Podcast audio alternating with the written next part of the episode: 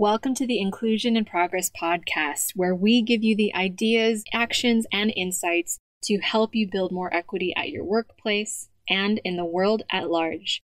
I'm your host, Kay Fabella, international expert on diversity, equity, and inclusion, a Filipino American living in Spain, and your guide in navigating this DEI journey.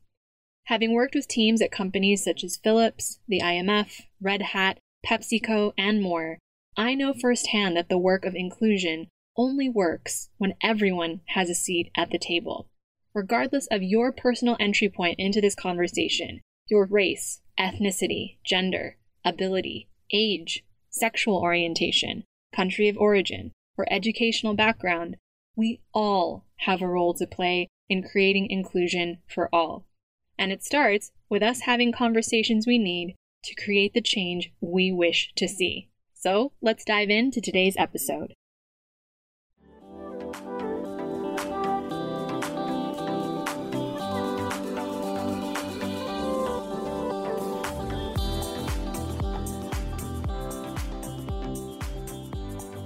Welcome back to the show. We capped off 2022 with our annual white paper, and we looked at the then popular buzzword, the workplace trend of quiet quitting.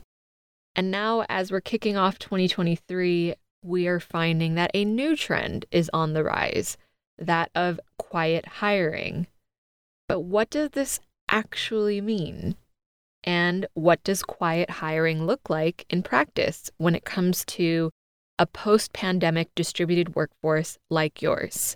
I'm Kay Fabella. I'm a DEI consultant for remote teams, and of course, your host for the Inclusion in Progress podcast, where you will get research backed industry insights into the future of work and practical how to's for implementing equity and inclusion in your workplace.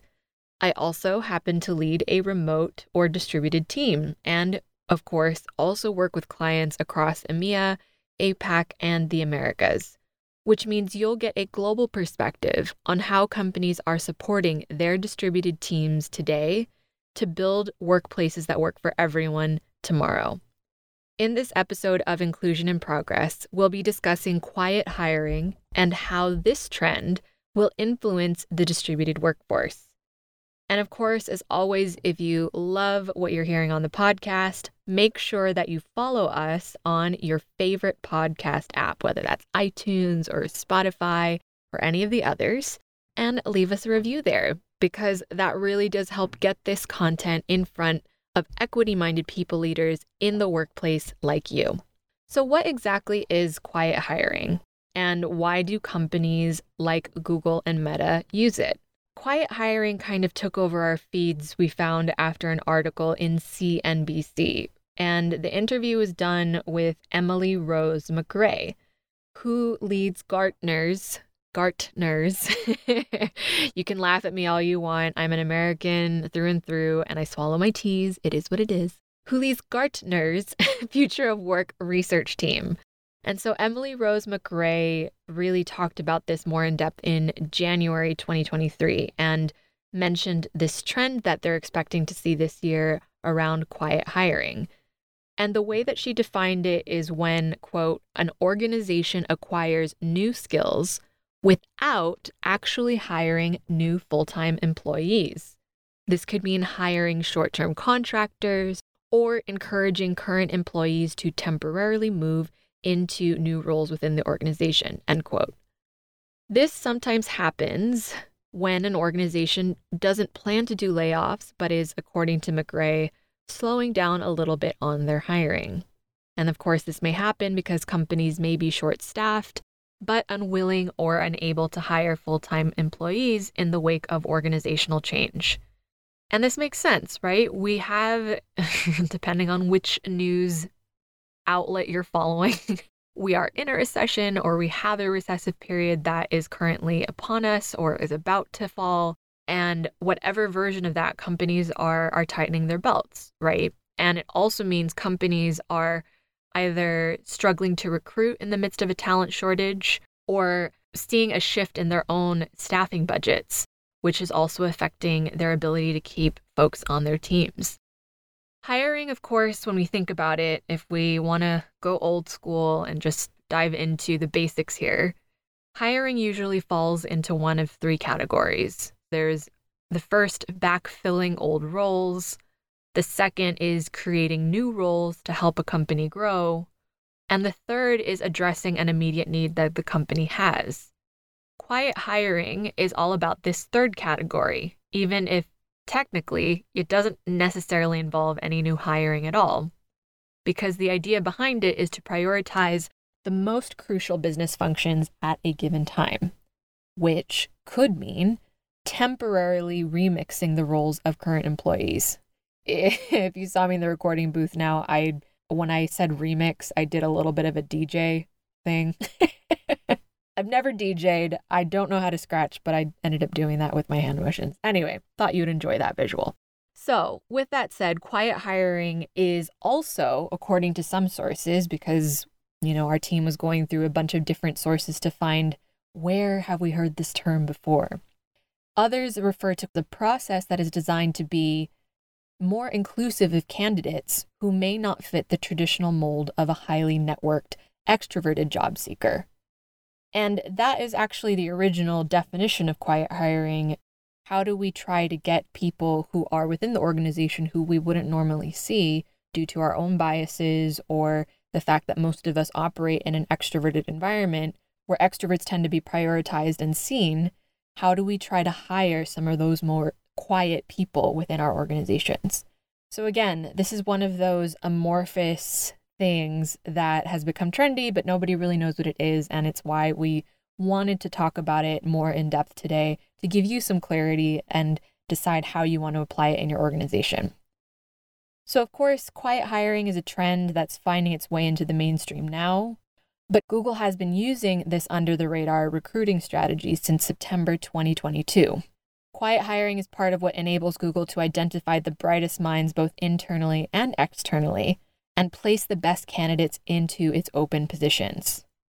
Qantas, an Australian airline, also made use of quiet hiring by actually rotating baggage handlers to include their own executives, who then gained a deeper understanding of how their company operations worked in the process. But quiet hiring is not just about distributing a workload among workplace survivors. It's also about, as we mentioned before, hiring freelancers or external contractors to fill roles. And according to McKinsey, 36% of respondents in a recent survey that represented nearly 60 million Americans self identified as independent workers.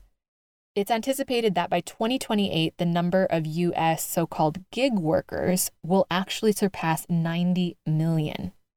All those people doing side hustles or actually being hired as external contractors or freelancers, we are definitely seeing more of, not just within our own company, but also with many of the clients that we're working with. Which means that potential employees are now choosing to freelance instead of jumping into a company to work full time.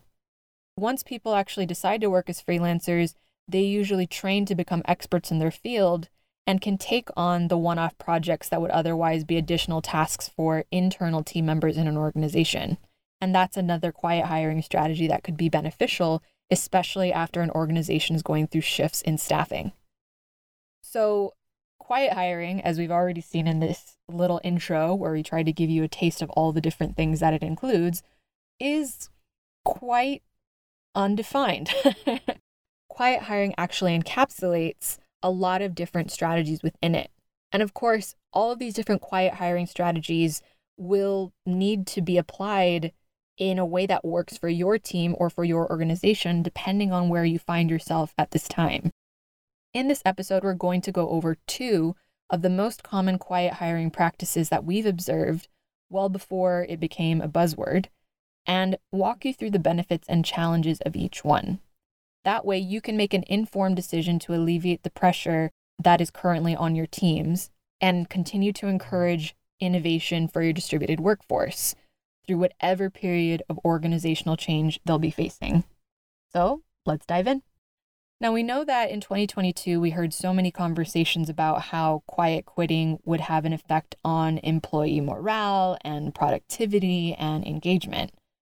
And so, quiet hiring feels like a solution, right? The answer is yes and no.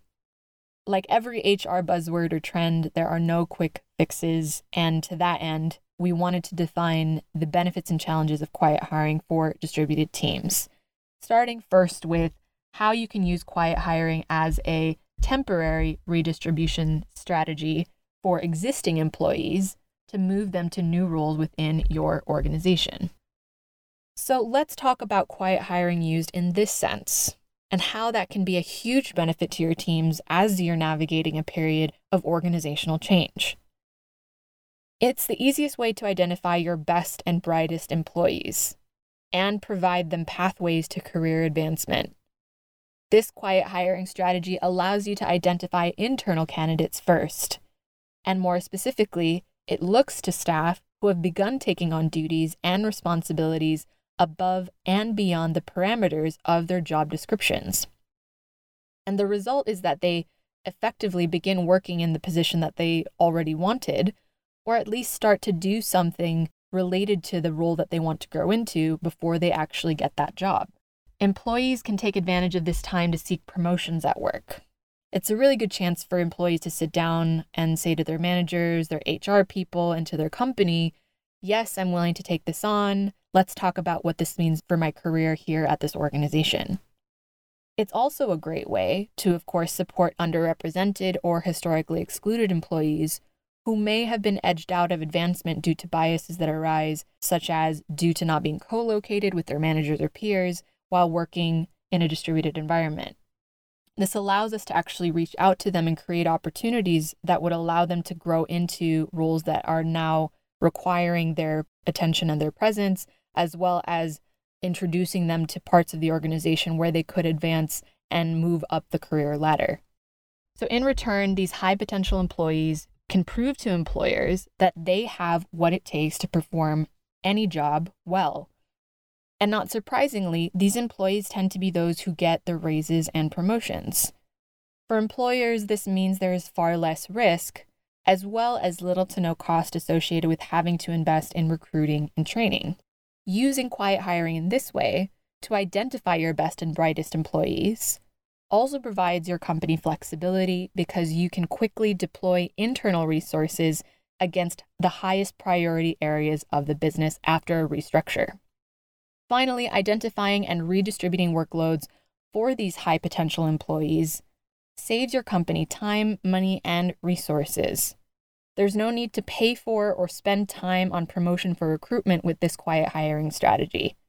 There's no need to spend hours rifling through resumes or CVs or interviewing potential candidates when you're feeling the pressure to get the job done.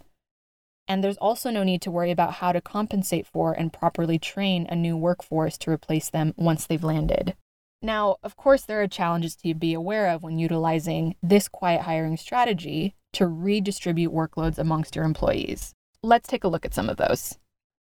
The first of which is how to avoid burnout. Now, I know we've dedicated several episodes of how strained our employees and our people leaders are over the last few years, and burnout, of course, continues to be top of mind especially when many of our team members are still working in a distributed environment. Saying new tasks need to be completed isn't enough to motivate a workforce, but framing it by how it could improve work life balance or advance an individual's career is a better way to reach and engage your teams after an organizational change. Employees may also aim to negotiate a higher pay.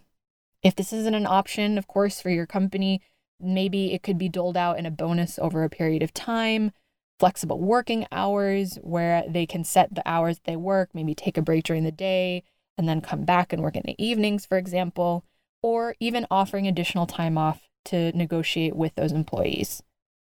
Other things that we've seen client partners use are offering resilience training, reverse mentoring opportunities, skill sharing opportunities with folks in other divisions of the organization to support employees who are navigating new workloads alongside their existing ones, which will support their continued career growth at your company. Another risk is that your employees may be dealing with competing priorities, which leads to inefficiencies and, of course, potentially lower productivity in the long run. Think about it. there's a bit of tension, right? Because if you're an employee who's been temporarily reassigned to a different part of your company, you might interpret that as being told that your regular job or the normal duties that you would have taken on aren't particularly important.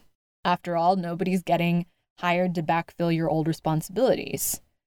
And so, bosses in this case can help address that by clearly articulating why a specific project or business division is so crucial to a company's success. It'll help that employee to not only feel valued, but also make them less likely to see the move as a sign that they may need to start looking for jobs elsewhere because they're expected to do more for the same pay. It's possible that an employee may find themselves in a role that they feel doesn't match with their priorities. In this case, leaders can address this by communicating to that employee how their roles would align with their priorities in a work life balance sense or climbing the corporate ladder or something that reframes it as an opportunity for them to advance. Employees in this case can take the opportunity to discuss long term goals with their managers and create career plans that will boost productivity and morale for remaining employees. So that was the first quiet hiring strategy, actually remixing, and I'm doing my DJ thing again, the roles of folks who are still internal within your organization. Now let's take a look at the second strategy, which is how to implement quiet hiring through short term contractors or freelancers. Now, short term contractors have been invaluable on our own team here at Inclusion in Progress. They're a great way to temporarily, if not permanently, fill roles and responsibilities that were affected by a downsizing or restructuring in your organization. Team IIP has also had the privilege to work with companies to fill in the gaps that were left when roles were either shifted or downsized or even left unoccupied when our client partners experienced layoffs or restructures. Leveraging the power of short term contractors or freelancers is also another way for leaders to offload responsibilities from their employees without replacing them. It's also a way to identify potential future talent without having to undergo a time and resource consuming recruitment process because essentially the contractor is already showcasing what they can do within your company. Not only do contractors and freelancers provide much needed help during challenging periods, they also offer invaluable external perspectives that could contribute to sustained innovation and, of course, uninterrupted productivity for companies who are seeking a way to troubleshoot existing challenges with fewer people while at the same time needing to meet their key priorities. If you bring a contractor into that equation, it helps both executives and permanent employees get what they want. Because executives know that the job will continue to be done, and permanent employees will not have to worry necessarily about taking on roles or responsibilities on top of their existing ones that they're not ready for. Now, if you have a contractor heavy workforce, it also provides your organization with the flexibility to quickly scale up or down teams as business needs to rapidly change. If your employees or your frontline managers are already settled in their roles and routines and they're best serving the company there, they might be unwilling to or simply unable to take on additional work. Whereas contractors and freelancers are usually savvy self starters who know enough to take on or backfill a newly vacant position and contribute their expertise in a way that isn't shaped solely by your company culture and actually contributes to getting the job done almost immediately after they're hired. In our experience, working with contractors provides a much needed fresh perspective, expertise, accountability, and a willingness to contribute impactful work immediately. Of course, as we know, there are also inevitable challenges to implementing a contractor focused quiet hiring strategy, especially as we're seeing them become more prevalent in our distributed workforces. LinkedIn's economic graph team found in October 2022 that tech companies, in particular, over the past two years, have greatly ramped up their reliance on non employee independent specialists almost 20% of paid tech listings on LinkedIn were aimed at contractors. In demand roles range from things like data scientists to IT specialists who can provide on site support. In high demand fields, though, elite contractors or freelancers may sometimes out earn their internal employee counterparts. Often we find that top contractors come in as experts in their field. So that means they can basically be productive for your organization from day one. Bringing them on board can generate results faster than the training and onboarding associated with new full time employees. And because contractors know this, they negotiate their pay accordingly. Now, contractors, of course, won't be on payroll, which means they won't necessarily be eligible to receive things like sick pay or holiday pay, pension benefits, health insurance, among others. So the tasks that they're required to do will be completed at sometimes a much smaller budget than what would be required for a full time employee. While this may be more efficient for a company, you may have some internal employees who have their feathers ruffled a little bit. And we've seen this happen time and time again because many of the internal employees will see these external contractors who are brought on and say, well, why is our company paying more for a short term contractor than actually they're paying me? Which is why it's important to, when and if you decide to use a quiet hiring strategy that leans on external suppliers or contractors or freelancers, to be very strategic and very intentional to navigate the psychological safety of both your existing internal employees and your contractors. Because at the end of the day, you need them to work alongside one another effectively. One way you can do this is by highlighting how external contractors will allow your full time employees the opportunity to focus on their day to day tasks instead of possibly being distracted by another set of tasks or a project that's urgent, but that they wouldn't necessarily be able to learn in time. And since contractors are mostly 100% autonomous, more likely than not, they'll already have the knowledge and the tools to problem solve independently when issues arise. This also avoids the need for management to get involved and frees up your company to focus on core activities and the day to day running of the business. Finally, there might be a challenge which we'll reframe here as an opportunity for companies to hire freelancers that are outside of their usual area of operation. That is, people from different regions or cities or even geographies or time zones. This, of course, means you'll alleviate the pressure on those who have, say, survived a layoff or a restructuring, as they may see the outside hiring as the company making good on its commitment to DEI or diversity, equity, and inclusion by actually reaching out to the contractors from regions that we wouldn't necessarily have hired from before, it also provides a valuable external perspective for your organization to tap into the wider market. There, of course, might be some resistance as a contractor's way of doing things may not necessarily align with how, quote unquote, we do things around here. How many of us have heard a version of that? But the contractors you hire may be from regions or geographies that you don't typically have access to which means that you can reframe their experience or their way of quote unquote differently doing things as an invaluable perspective that actually makes your teams better. Because ultimately, the wider your perspective is, the greater your opportunity for innovation in an organization and new ways of doing things that can make your teams even more efficient. Which can only be a good thing as we need, truly, as many perspectives as possible if we're troubleshooting for any challenges that lie ahead. So there you have it. We were looking in this episode today what quiet hiring actually looks like in a distributed workforce, different ways you can apply quiet hiring as strategies during a recessive period, and how you can engage in quiet hiring practices for your organization in a way that continues to support your team's psychological safety, productivity, and morale, which are high priority for us during periods of organizational change. At Inclusion in Progress, we've always recognized the need to investigate barriers to psychological safety at the individual, behavioral, and organizational levels, while navigating the reality of a post pandemic distributed world. Because we know that identifying how to remove those barriers allows organizations to create a work culture where employees contribute their best ideas without fear of judgment or exclusion ensuring an engaged, productive, and equitable work environment, no matter where your teams choose to work from. We also know that the last three years have been challenging for every one of us to navigate, And it's important for us to provide organizations resources that set you and your teams up for success.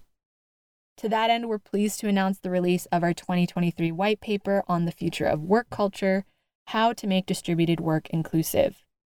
You can download a copy on our website today at inclusioninprogress.com forward slash learn, or you can head to the link in the show notes of this episode to grab your copy. And if you'd like to learn how we can support you with creating inclusive distributed work strategies in your organization in 2023, that will help you increase psychological safety and morale for your current and future teams, you can email us directly at info at inclusioninprogress.com to book a free, no pressure consultation call with our team. As always, thank you so much for listening. Thank you for sharing these episodes with others. And we will see you next time on Inclusion in Progress.